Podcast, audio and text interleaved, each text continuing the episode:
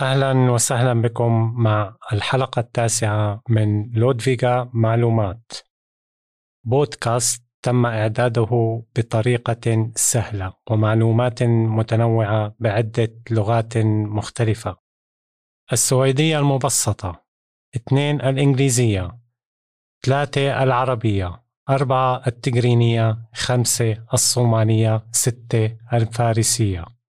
عزيزي المستمع أنت مدعو للاتصال بنا إذا كان لديك أي اقتراحات مفيدة حول أي موضوع أو سؤال تريد طرحه علينا.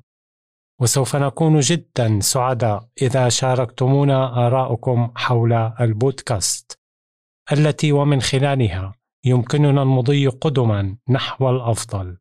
فجميع الآراء والاقتراحات هي دائما موضوع ترحيب لذا لا تترددوا في الاتصال بنا على podd snabel-a ludvika punkt se.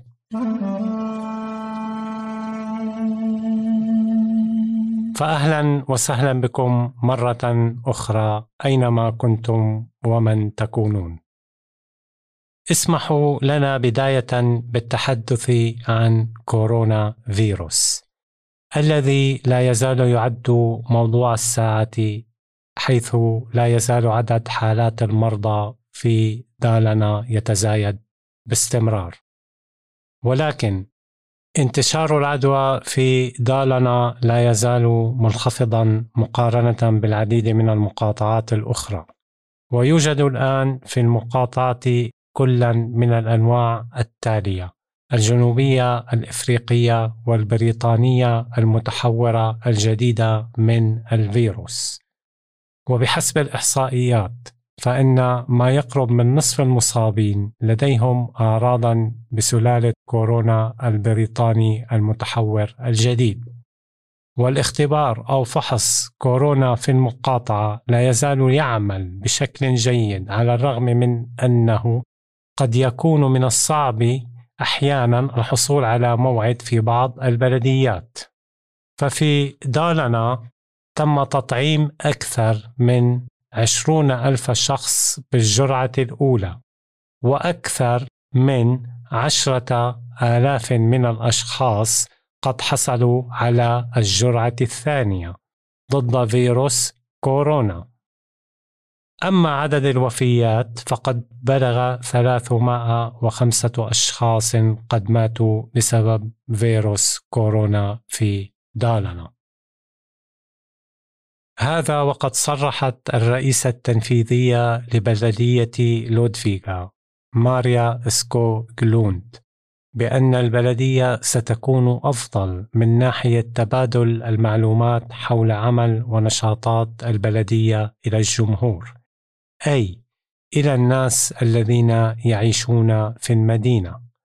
وسيستمر نشر الأفلام على موقع البلدية من خلال الفيسبوك حيث يخبرنا رئيس البلدية عادة عن رأيها في القضايا الراهنة في البلدية.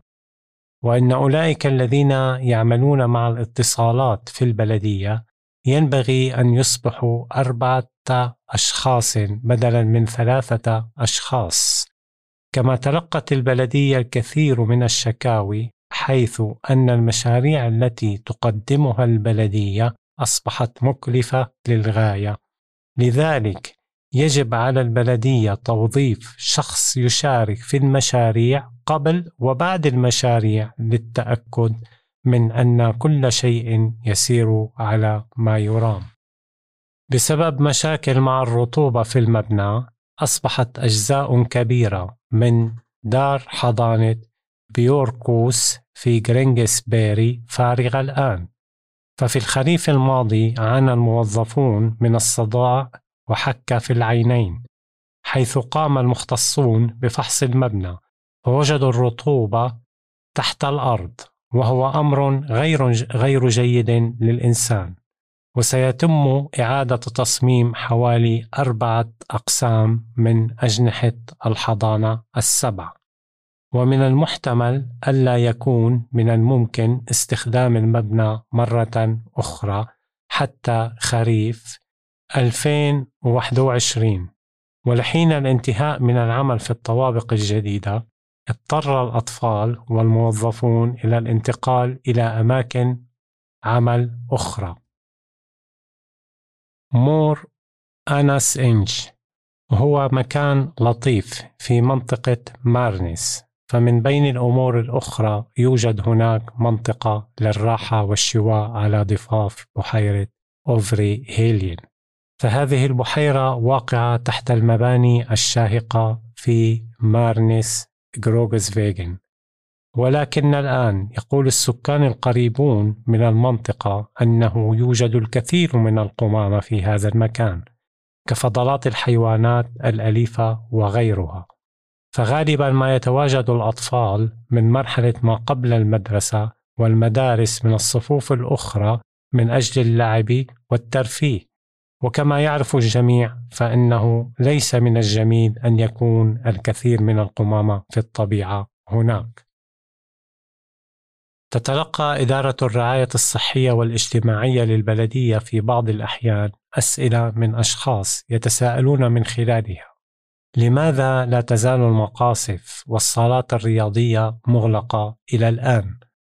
فالجواب جدا بسيط وهو أن هذا الوباء لا يزال خارج عن السيطرة وتقول وكالة الصحة العامة في السويد إن مخاطر الموجة الثالثة من كوفيد التاسع عشر ستكون مرتفعة وكبيرة ما لم يتبع الناس القواعد والتوصيات الصادرة من الجهات الرسمية. وحقيقة أن التطعيم قد بدأ فهذا يعني فقط بأن خطر الإصابة بهذا المرض سوف يصبح أقل خطورة وعدد حالات الموتى سوف يصبح أقل فقط لا غير.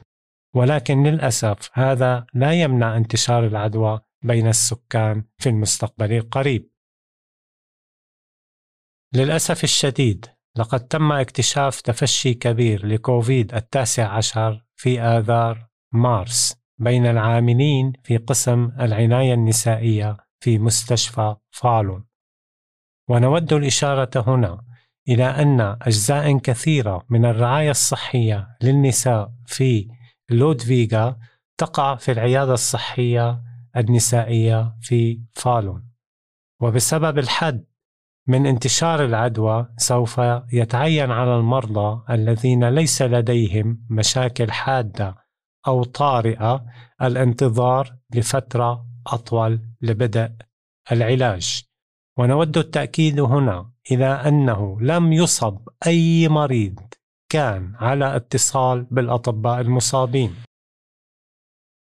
نريد أن نبلغكم بأن البلدية قد قامت بإزالة وهدم مكان ألعاب للأطفال الواقع باتجاه إبل ستيغن عبر كنوتسبو في لودفيغا لأنه كان قديما ومهترئا.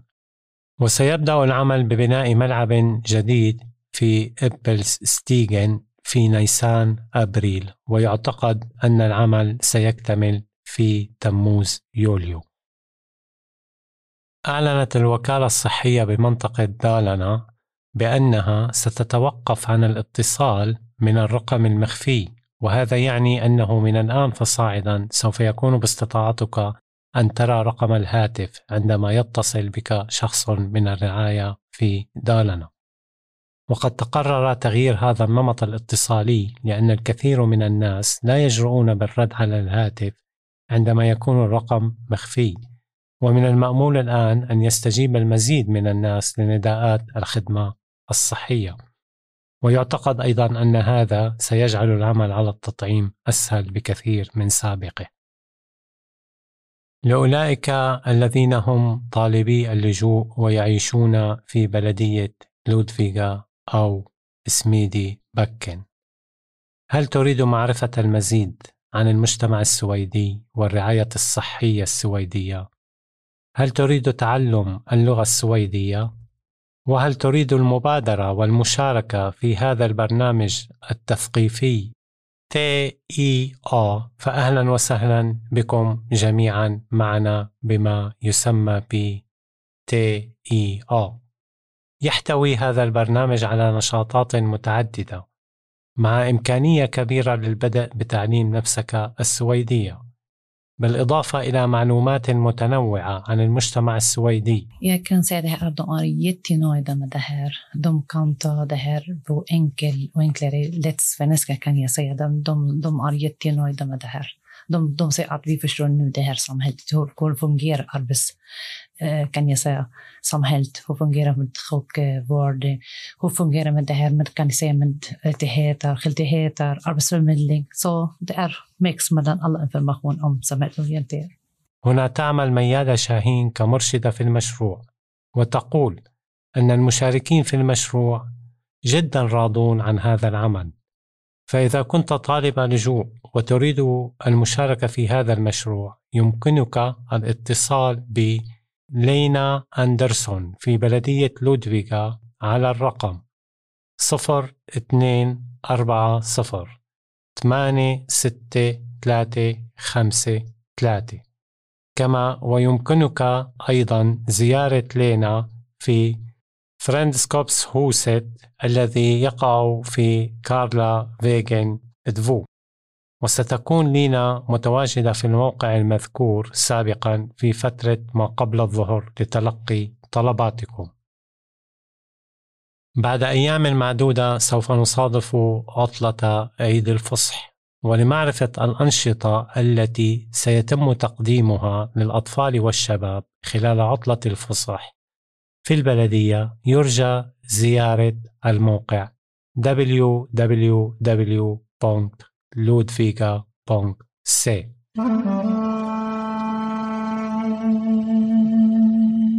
نبدأ خبرنا هنا بالحديث عن فيروس كورونا ونقول لكم بأن العدوى تستمر في الزيادة في السويد ولكن هناك فرق كبير بين المناطق في البلاد وقد أصبح عدد الوفيات أقل بكثير من سابقه ويعود ذلك إلى أن المسنين قد حصلوا على اللقاحات اللازمة.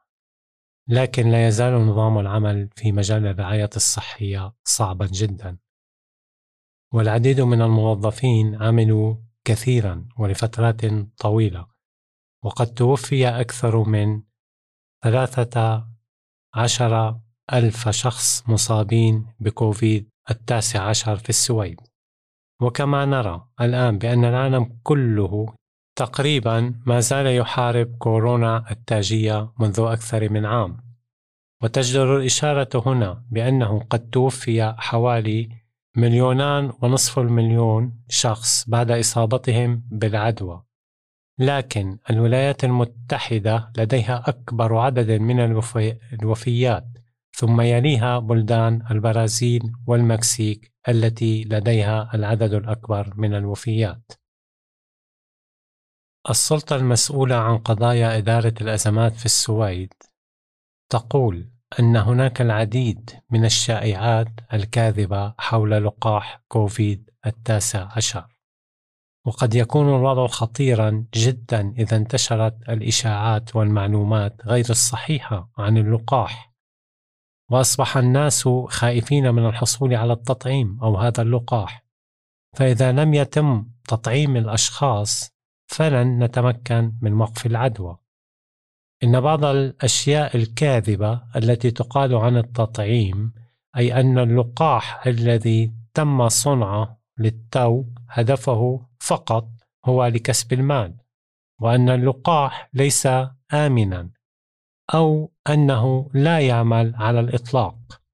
كما يعتقد بعض الناس أن الدولة أو اشخاصا آخرين ممن لديهم سلطة قد اخترعوا هذا الفيروس وهناك أيضا الكثير من النقاش في العالم حول الدين والأخلاق ومن بين الأمور الأخرى تنتشر شائعات في وسائل الإعلام الناطقة بالعربية بأن اللقاح يحتوي على مكونات حرام محظورة في التعاليم الإسلامية. نختم أخبار كورونا لهذا الأسبوع بإخبارك بأن المتاحف في السويد ستعاود فتح أبوابها أمام الزائرين. ولكن وفقا لقواعد خاصة تتعلق بعدد الزائرين المسموح تواجدهم في المتحف وذلك لمنع الازدحام. ونود الإشارة هنا إلى أن المتحف هو المكان الذي يمكنك من خلاله النظر إلى الفن بالإضافة إلى أمور أخرى.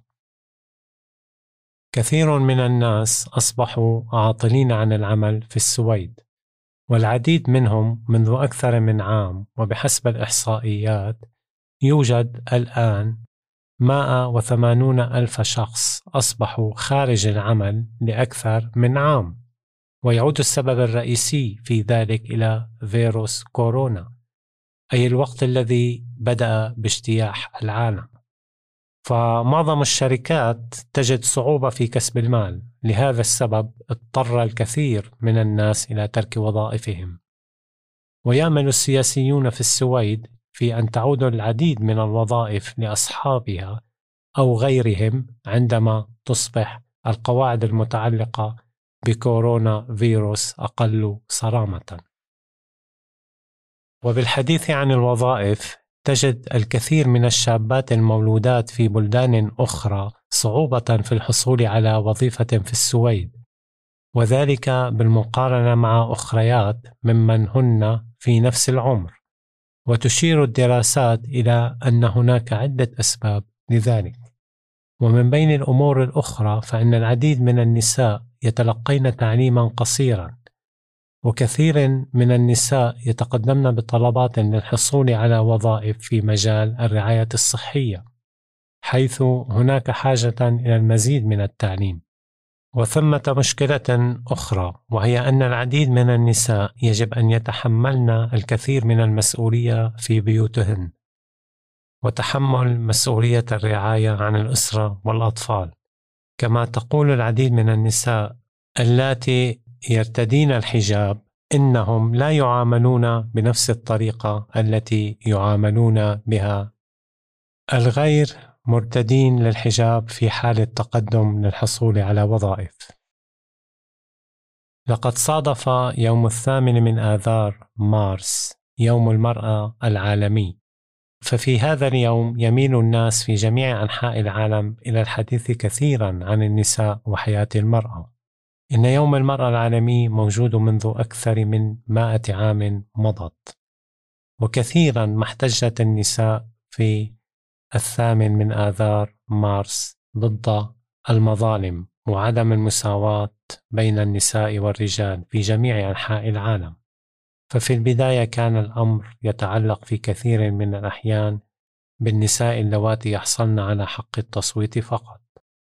إن يوم المرأة العالمي هو يوم عطلة رسمية في العديد من البلدان في العالم، ولكن للأسف هذا الحال غير موجود أو متبع في السويد. وقد كان شهر آذار أيضا الشهر المحدد لإجراء الفحوصات المتعلقة بمرض الانتباذ البطاني الرحمي وهو مرض يسبب ألما شديدا أثناء الحيض أو الإباضة أو زيارة المرحاض أو أثناء الجماع. فإذا لم تذهب إلى المستشفى وتحصل على مساعدة لمواجهة هذا المرض فقد يزداد الأمر سوءا ويمكن بعدها الحصول على آلام لا تزول. ويمكن أن يتسبب أيضا بالعقم الجنسي ويصبح من الصعب إنجاب الأطفال بعدها. وتجدر الإشارة هنا إلى أن هناك حوالي عشرة بالمائة من جميع النساء المصابات بهذا المرض وربما الكثير من الناس الآخرون يجدون صعوبة في الحديث عن هذا المرض. ولكن تأمل نظام الرعاية الصحية بأن المزيد من الناس سوف يجرؤون على القيام بذلك لأن هناك الكثير من المساعدة التي يمكن الحصول عليها هناك من الرعاية الصحية. في السنوات الأخيرة تعاون الليبراريون وحزب الوسط مع الديمقراطيين الاجتماعيين وحزب الخضر وسمح هذا التعاون بتشكيل حكومة واتفق الطرفان على التعاون بشأن عدة مسائل وسوف يتعاون جميع الأطراف في القضايا التي يعتقدون أنها مهمة. ولكن عندما حصل الليبراريون على زعيم جديد قالت إنها لا تحب هذا التعاون وأنها تريد سياسة مختلفة. ولكنها عاودت القول الآن أن الليبراليين سوف يعملون مع الأحزاب الأخرى وسيكونون جزءا من حكومة جديدة من الانتخابات القادمة في العام 22 وفي معرض حديثها عن التعاون السياسي قالت زعيمة حزب الوسط آني لوف أنها ستنظر أكثر في التعاون مع الديمقراطيين الاجتماعيين وأنها ستكون جزءا من حكومة مع الديمقراطيين الاجتماعيين. حيث أنها كانت ترفض تماما التعاون مع حزب إسفاريا ديمقراطنا. كما أنها لا تريد التعاون مع الأحزاب الأخرى التي تتعاون مع إسفاريا ديمقراطنا. بينما قال المعتدلون والديمقراطيون المسيحيون والليبراريون أنهم يستطيعون التعاون مع إسباريا ديمقراطنا.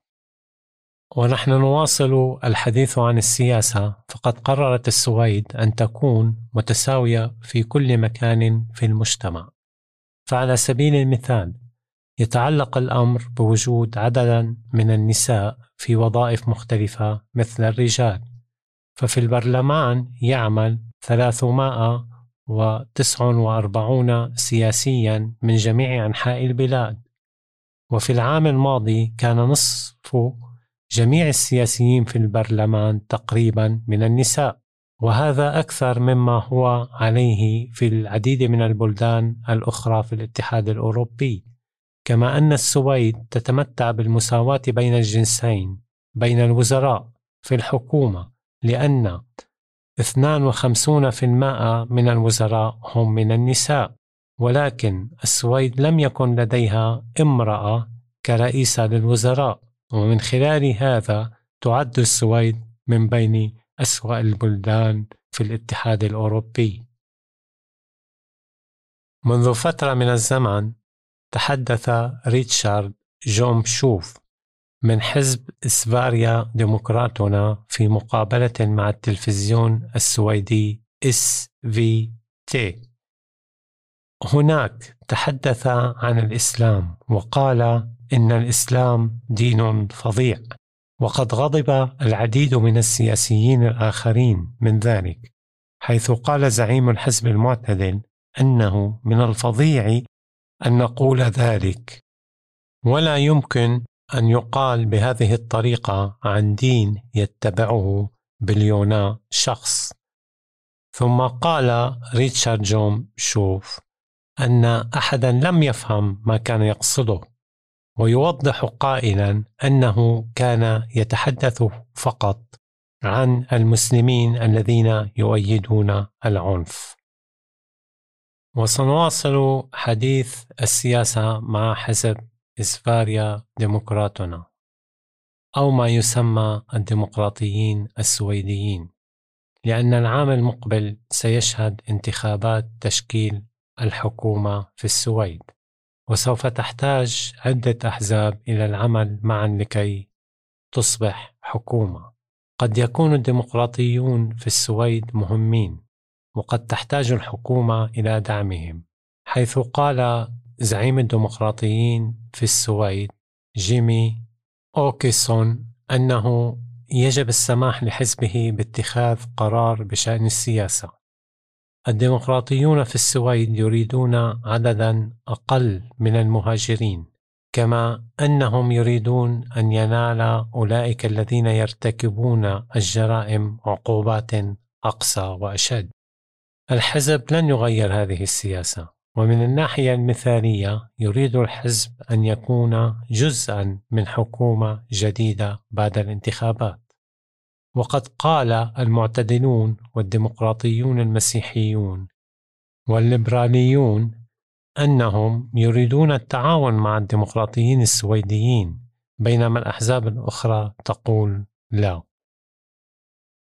في سبتمبر أيلول من العام الماضي احترق مخيم للاجئين في جزيرة في اليونان وكان المخيم يعد من أكبر مخيم اللاجئين في أوروبا.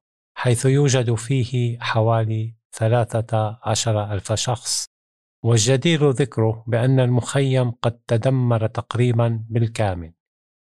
وكان قد حكم على شابين بالسجن خمس سنوات بتهمة الحريق حيث قال أولئك الذين يساعدون الرجال المحكوم عليهم أن هذا الحكم خاطئ ولا يوجد دليل كافي للإدانة ضدهم.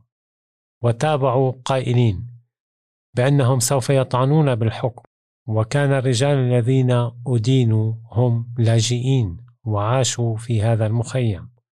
وقد كان المخيم أكبر مخيم للاجئين في أوروبا.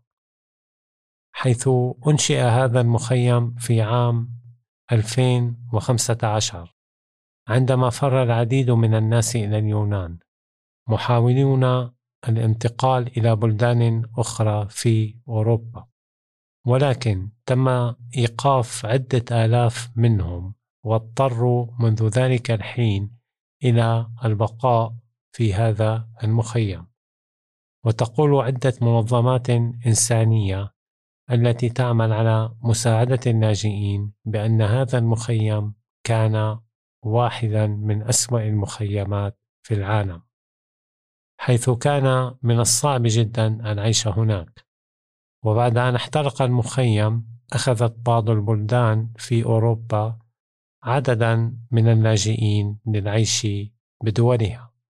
ولكن سمح للعديد من اللاجئين بالبقاء في مخيمات أخرى في الجزيرة. ينبغي علينا حماية الأطفال الذين لديهم مشاكل كبيرة في أسرهم. على نحو أفضل. هذا ما تريده الحكومة السويدية فيما يتعلق بالأطفال الذين يسمح لهم بالعيش في أسر أخرى عندما لا يستطيع آباؤهم رعايتهم. ففي العام الماضي أصبح من المعروف أن فتاة صغيرة اضطرت إلى العودة للعيش مع والديها على الرغم من أنهما كانا في ورطة كبيرة أما الفتاة فكانت قد ماتت عندما كانت في الثالثة من عمرها. ولهذا السبب نريد الآن تغيير الأمور. ومن بين أمور أخرى لا ينبغي السماح للأطفال بالعودة للعيش مع والديهم إذا كانوا لا يزالون يعانون من مشاكل. كما قد اضطر الوالدان إلى إجراء اختبارات تظهر أنهم لا يتعاطون أو يعانون من مشاكل أخرى. كما أنه يجب عليك أيضا التحقق من كيفية عمل الطفل بعد أن انتقل إلى المنزل. وفي الخريف يمكن أن يصبح المقترح قانونا جديدا. في الشهر الماضي تقدم الكثير من الناس لكتابة امتحان التعليم العالي.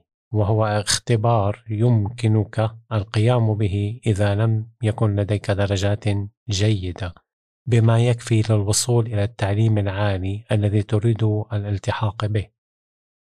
ويحتوي الاختبار على مهام في الرياضيات واللغة الإنجليزية والسويدية. وتستخدم نتائج الاختبار عندما تريد التقدم إلى مؤسسات التعليم العالي والجامعات العليا.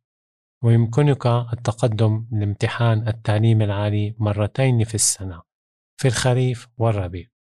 نتحدث كثيرا عن الطقس أو اسأل كيف حال شخص ما. لكننا نعرف بالفعل أن هذا الحديث ليس بهذه الأهمية وأنه ليس إلا كلام أو حديث قصير لا وزن له. ويقول الباحثين والمختصين أن الحديث الغير هام هو أكثر أهمية مما نعتقد. إنها إحدى الطرق المتاحة لنا عندما نريد مقابلة أشخاص آخرين. لكن سيكون من الفظيع لو تحدثنا بجمل قصيرة مع أشخاص آخرين. فنحن بحاجة أيضا إلى الحديث عن أشياء أعمق. وأهم في بعض الأحيان الناس الذين يشعرون بالحزن أو بمزاج سيء في كثير من الأحيان يبدون على نحو أفضل عند التحدث عن الأشياء الصغيرة. فخلال أزمة كورونا ظهر واضحا للكثير من الناس بأن مزاجهم أصبح أفضل وبأنهم يشعرون بالسعادة عندما يشاركون الدردشة ولو بجمل قصيرة. لأن العديد منهم لم يقابل الآخرين منذ فترة ليست بقصيرة. في مهنة هذا الأسبوع نود أن نقترح عليكم أن تذهب إلى موقع وكالة التوظيف والقيام باختبار يسمى دليل الفائدة. هناك سوف تجيب على 12 سؤالا ويمكنك أيضا الحصول على اقتراحات حول المهن التي قد تناسبك وتناسب اهتمامك. اذهب إلى جوجل punkt se وابحث عن intresseguiden. لإجراء الاختبار وعلى موقع دائرة التوظيف هناك أيضا الكثير من المعلومات حول المهن التي سيكون هناك نقص معها في المستقبل ورواتب مختلفة لمختلف المهن وأكثر من ذلك بكثير. دليل الفائدة ابدأ مع Arbetsförmedlingen punkt se. هل لديك أي شيء تتساءل عنه فيما يتعلق بلودفيغا بالسويد بالمجتمع السويدي أو باللغة السويدية؟ هل لديك شيء تريد أن تسأله للسياسيين في لودفيغا؟ اكتب لنا على podd snabel-a لودفيغا punkt se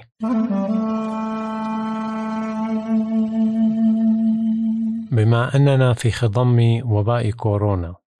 وبما أن الكثير من الناس يجد صعوبة في التوصل إلى أمور يمكن القيام بها لممارسة نشاطاتهم المعتادة. ويعود السبب لذلك بأن أجزاء كبيرة من المجتمع ليست مفتوحة كالمعتاد.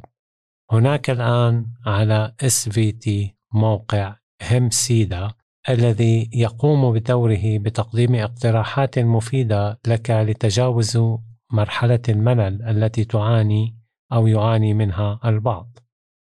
كل ما هو عليك القيام به هو الضغط على زر وسوف تأتيك اقتراحات.